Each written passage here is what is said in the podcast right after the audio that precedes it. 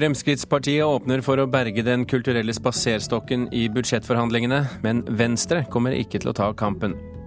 Jens Brårvig er utsatt for en respektløs drittpakke som ikke hører hjemme i et dekanvalg ved et universitet, mener professor. Og norske kjendisfotografer mener det er altfor lite kunnskap om opphavsrett.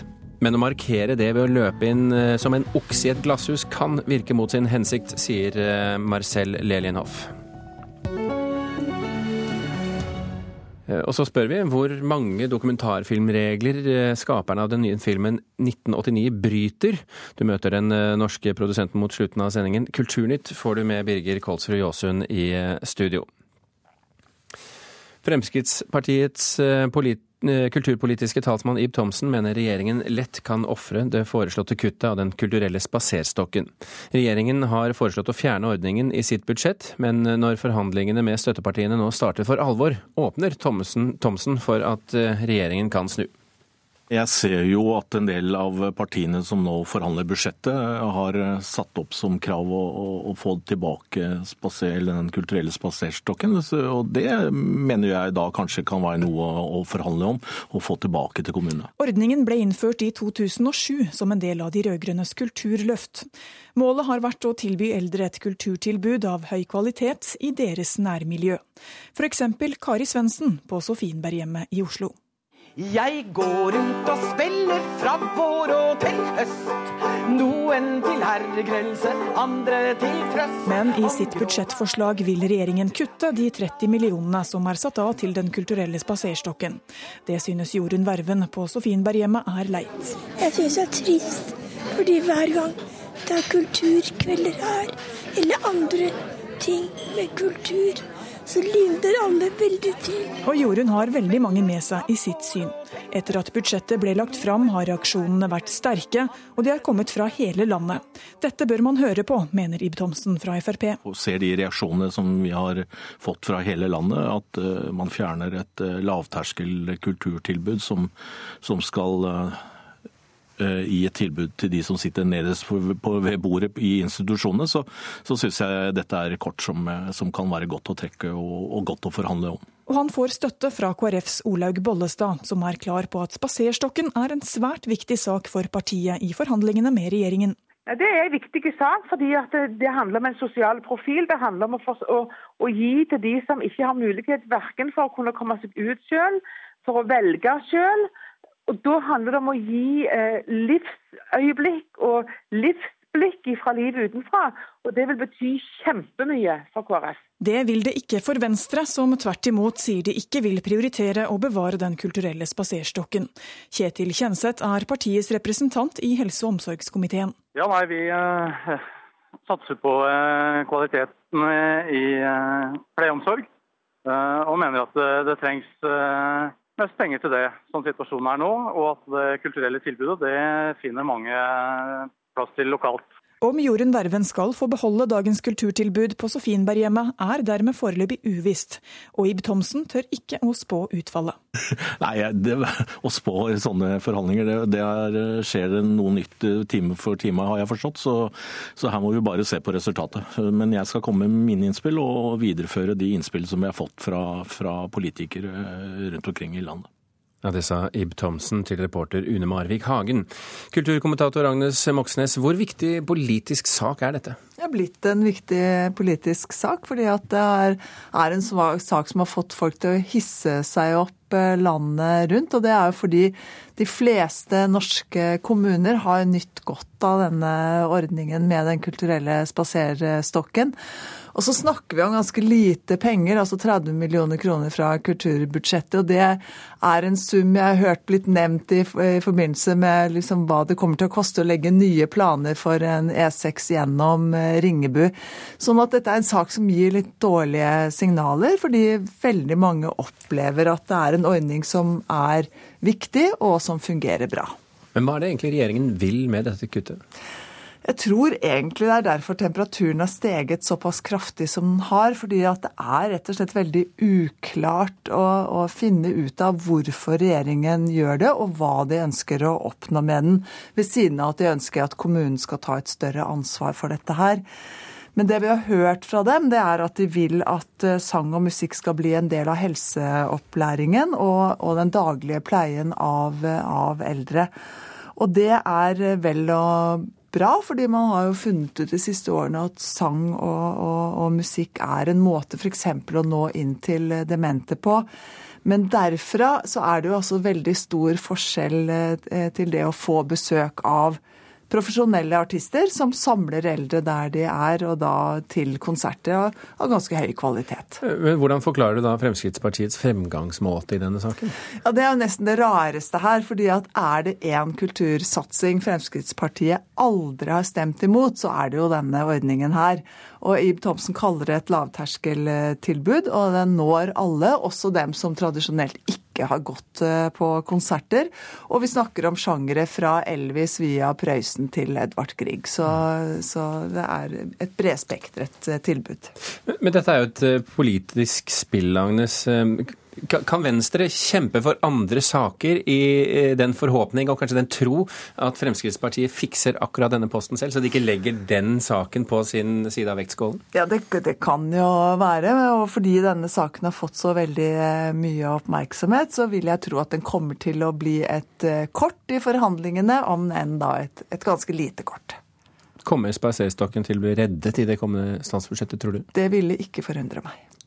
Agnes Moxnes, takk for at du kom til Kulturnytt. Over 100 eh, lokalavisredaktører har skrevet under på et opprop eh, mot Solberg-regjeringens planlagte moms på papiraviser og kutt i pressestøtten.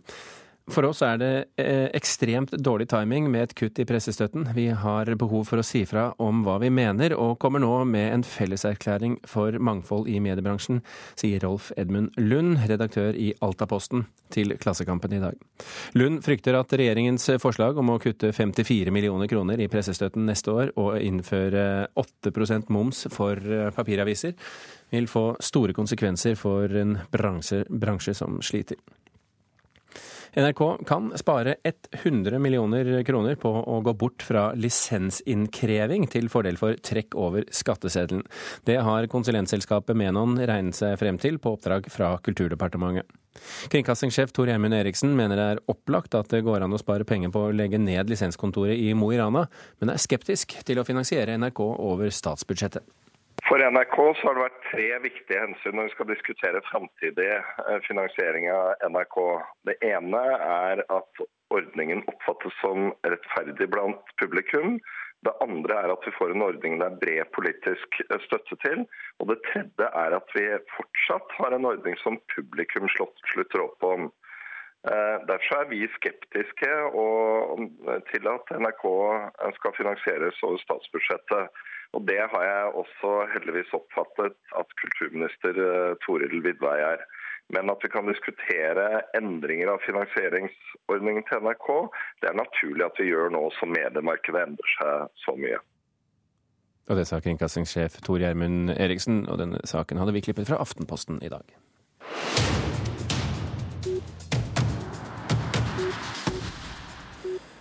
Professor Jens Brårvig er skuffet over det han kaller personangrep midt i valget av ny leder for Humanistisk fakultet ved Universitetet i Oslo.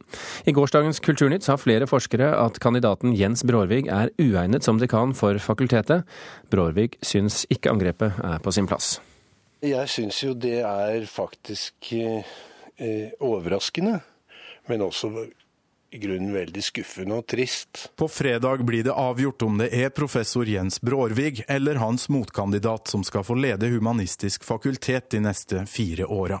Men i går, samme dag som studenter og ansatte skulle avgi sine stemmer i valget, kom kritikken. Det er nesten pinlig at vi har en slik kandidat. Han befatning med stjålne kulturgjenstander. Harmonerer dårlig med en sånn posisjon som dekan. Det professor Kristoffer Prescott, kunsthistoriker Leif Anker og stipendiat Josefine Munch Rasmussen snakker om en ti år gammel sak.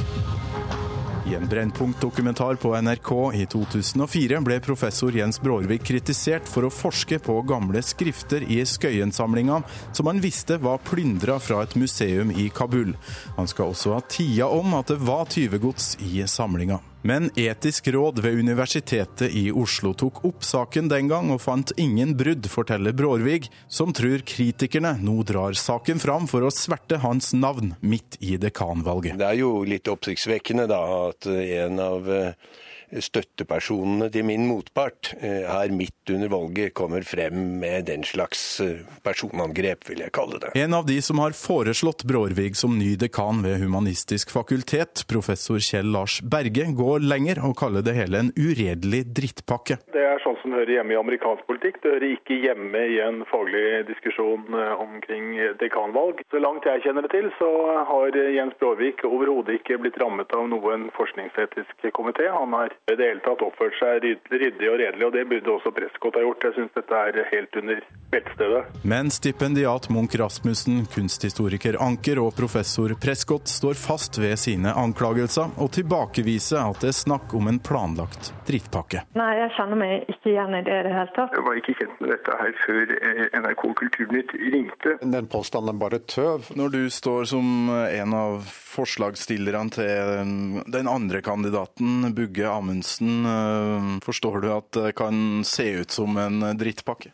Jeg forstår at man prøver å spinne det på den måten der for å slippe unna å forholde seg til selve saken. Også Jens Brårvigs motkandidat i dekanvalget, Arne Bugge Amundsen, tilbakeviser at han står bak en godt tima svertekampanje, og er enig med Brårvik i at det blir en avsporing fra dekandebatten. Jeg kan forstå det, så noen strategi fra min side har i hvert fall ikke vært koblet til. Jeg er veldig glad for at folk her forstår at eh, den slags er helt unødvendig i det vi driver her oppe.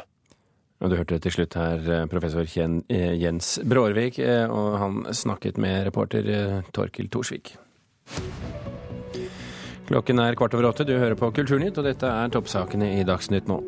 Halvparten av velgerne vil ha Jonas Gahr Støre som statsminister, viser ny meningsmåling.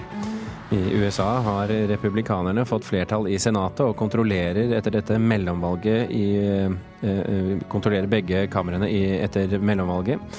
Og Forsvaret har forsømt arbeidet med likestilling, sier tidligere generaladvokat for Forsvaret, Arne Willy Dahl. Arvingene etter fotograf Sjøvald går til rettssak mot Norsk Folkemuseum, og advokaten deres mener norske institusjoner generelt kan altfor lite om opphavsretten, og at de bryter åndsverksloven altfor ofte. Så her har vi bilder som bl.a. er av, av kongebarna, første gangen de var til fotografering, og det er det Sjøvald som har tatt. Advokat Hans Marius Grosvold viser fram svart-hvitt-bilder av en svært ung kong Harald. Signert fotograf Gunnar Sjøvald, som i mellomkrigstida tok mange bilder av kongefamilien. Her ser vi bak på uh, fotografiene, altså på hver enkelt fotografiplate, så har Sjøvald skrevet at her, her, er det Sjøvald selv som har rettighetene. Men nå har bildene, uten tillatelse fra Sjøvalds etterkommere, blitt lagt ut på nettet av bl.a. Norsk Folkemuseum. Noe som har ført til at Grosvold har gått til sak mot museet på vegne av Sjøvalds arvinger.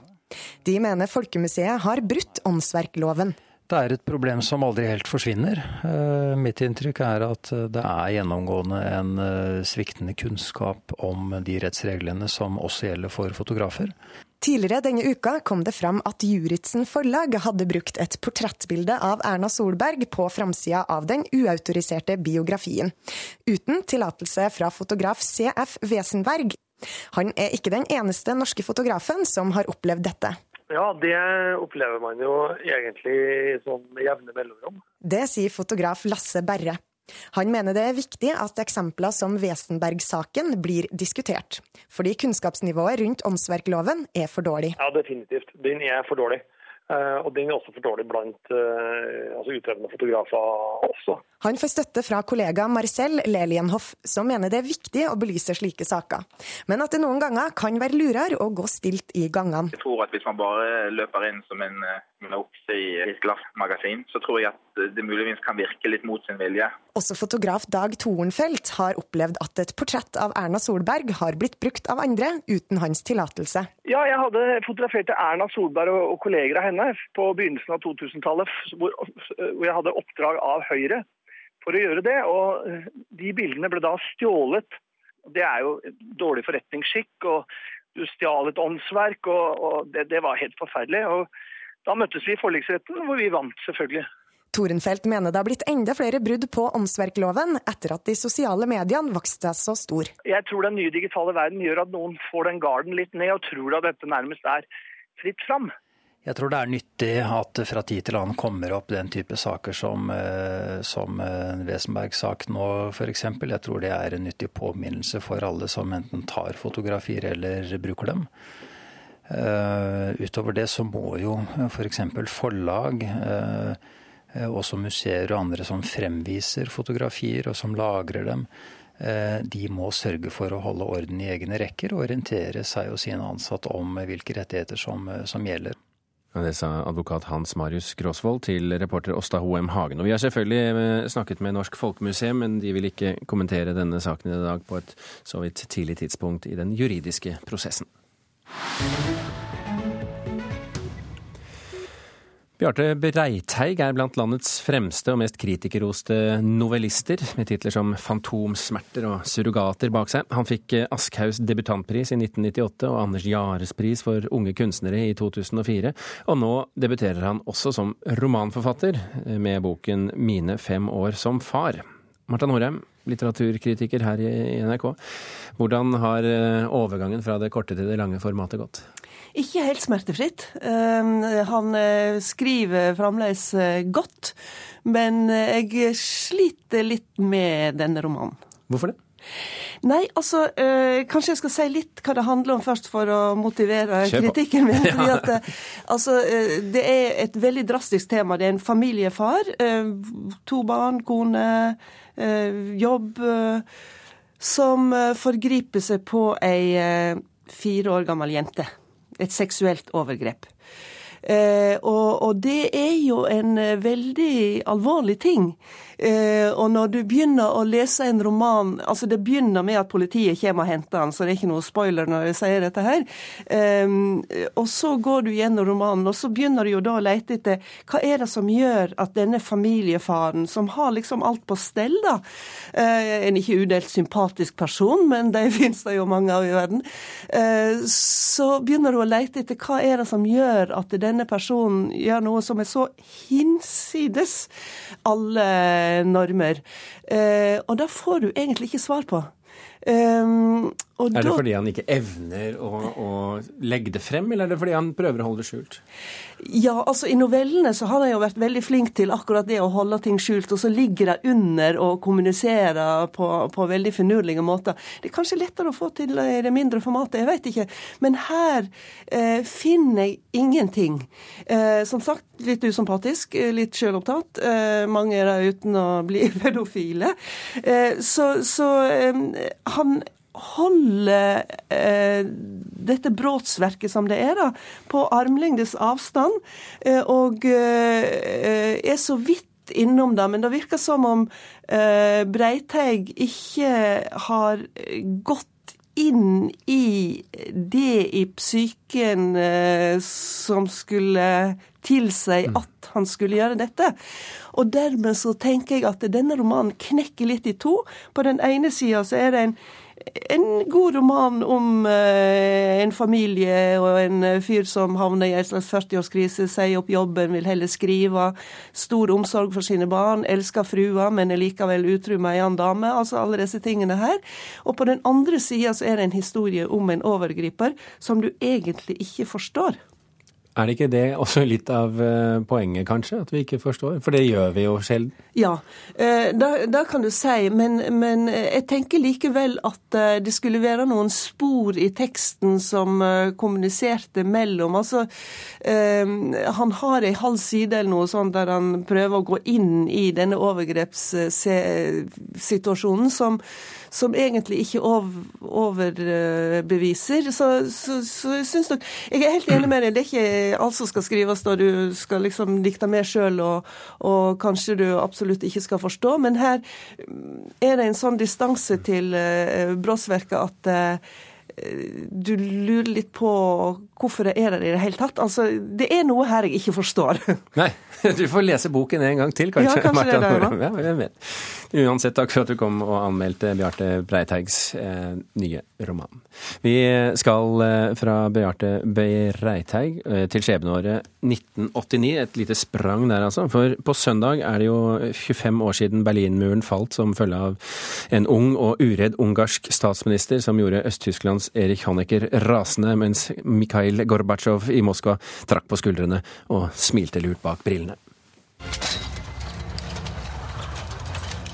As soon as we started the work on the border, barbed wire, Honecker smelt and felt the danger.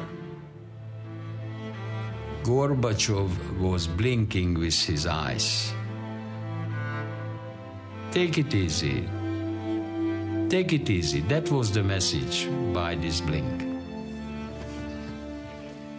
Ja, Det du hørte her, det var Miklos Nemet, Ungars, Ungarns statsminister i 1989, som forteller om reaksjonene da han bestemte seg for å klippe ned grensegjerdet mot Østerrike våren 1989. Og det hørte du også fra da en ny dansk-norsk dokumentar som har premiere i dag. Christian Mosevold, eh, du er filmens norske produsent. Velkommen til Kulturnytt. Takk for det.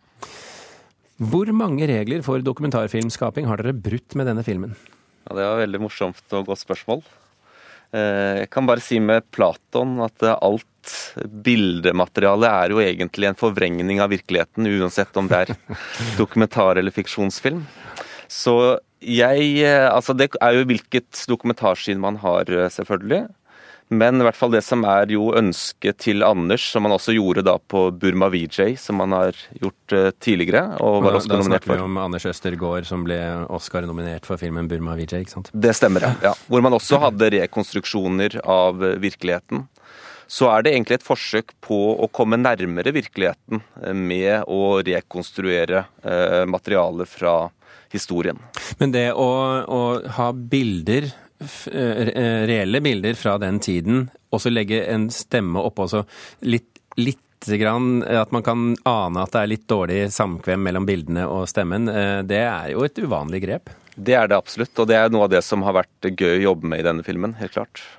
Uh, gjenskapt historiske hendelser også, altså en viss form for, uh, for fiksjonsfilm her. Hva er, hva er, den største utfordringen med å, å blande fiksjon og fakta på denne måten? Ja, altså Det har vært en diskusjon hele veien hvordan man skulle gjøre dette, eller hvor tydelig man skulle gjøre ting. Du nevnte det at, man, at synkroniseringen altså det som er gjort, er at man da har brukt den veldig godt utbygde tyske eh, synkroniseringsindustrien, altså dubbeindustrien, til å lage stemmene til Honecker og Gorbatsjov osv. Eh, igjen. Og lagt dette oppå, delvis oppå arkivmateriale som er hentet fra andre situasjoner. Eh, og da har det vært et spørsmål hvor tydelig man skulle gjøre at det faktisk da var et kunstnerisk grep. Og det er også laget en sånn disclaimer på begynnelsen av filmen. Men interessant er jo at det, mye av disse møtene ble transkribert. Så hele møtet mellom da Miklos Nemet og Gorbatsjov, som eh, man ser i filmen, det er faktisk helt historisk korrekt, rent, rent uh, auditivt. Mens visuelt så er det da ikke historisk korrekt. Denne filmen har altså fått den enkle tittelen 1989. Hva, hva er det dere vil fortelle? Det vi ønsker å fortelle er en annen historie om jernteppets fall, eh, som ikke er så kjent. Eh, vi kjenner jo da, altså Der vi er nå, så er det jo Berlinmuren som faller, men det begynte da i Ungarn. Ganske enkelt med at eh, Ungarn var bankerott, var konkurs. Og da Miklos Nemet ble da ansatt av politbyrået som statsminister, og som økonom så gikk han da rett inn i budsjettet og så hvor kan man spare. Og da var det en kjempestor post der som var hemmelighetsstemplet, som etter hvert viste seg å være da rett og slett grensevakten mot vest. Eh, og forslaget fra, eh, fra hans kolleger var at man skulle låne penger i vest for å opprettholde dette vernet, hvilket var absurd, så han da bare strøk den posten. Og ergo hadde han også da egentlig strøket jernteppet ut eh, av historien. Vi, vi, vi, er jo vant til å tenke på både Ronald Reagan og Mikhail Gorbatsjov når vi snakker om murens fall. Um, er det egentlig Miklos Nemeth som er den uh, litt skjulte helten i denne historien? det, I hvert fall i vår historie så er det jo helt klart det at det er en heltehistorie rundt Miklos Nemeth. Men, eh, men det, er, det, forteller også historien om det spillet som lå bak. Så uten Gorbatsjovs uh, samtykke, a silent blessing, som Nemeth sier, så hadde det vært umulig. Fordi både Ceaucescu og Honecker uh, var jo rasende på at dette skjedde. Og det var et sterkt press mot politbyrået i Sovjetunionen, så man visste jo heller ikke hva som ville skje i Sovjet hvis ikke dette hadde skjedd på den tiden. da. Denne filmen har jo nå premiere på dokumentarfilmfestivalen KPH Docs i København i dag. og Så vises den bl.a. på NRK og godt over 50 andre TV-kanaler på fredag, altså den 7. november. Eh, det var litt feil. altså Den har premiere på Copenhagen Docs og 59 andre steder i Europa i dag. Bl.a. Uh, i Fritt Ords lokaler i Oslo og i Kristiansand og på Lillehammer. Mm, men de fleste får se den på, på NRK på fredag. Eh, hvor, hvor, viktig vil du si at denne filmen er nå, 25 eh, år etter hendelsene? Eh, altså, da, vi, da, jeg kom inn i filmen, så var det fortsatt en følelse av at nå skal vi feire eh, murens fall. Men det siste året så har det jo tilstanden i Europa tilspisset seg drastisk.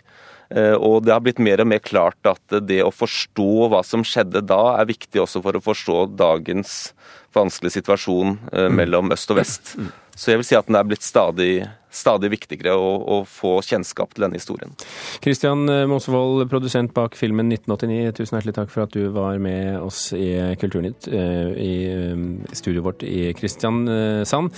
Vi nærmer oss målstreken, vi, og vi i denne sammenheng det er Per Ivar Nordahl, Espen Halnes og Birger Kålsrud Aasund. Snart får du flere nyheter her på denne kanalen.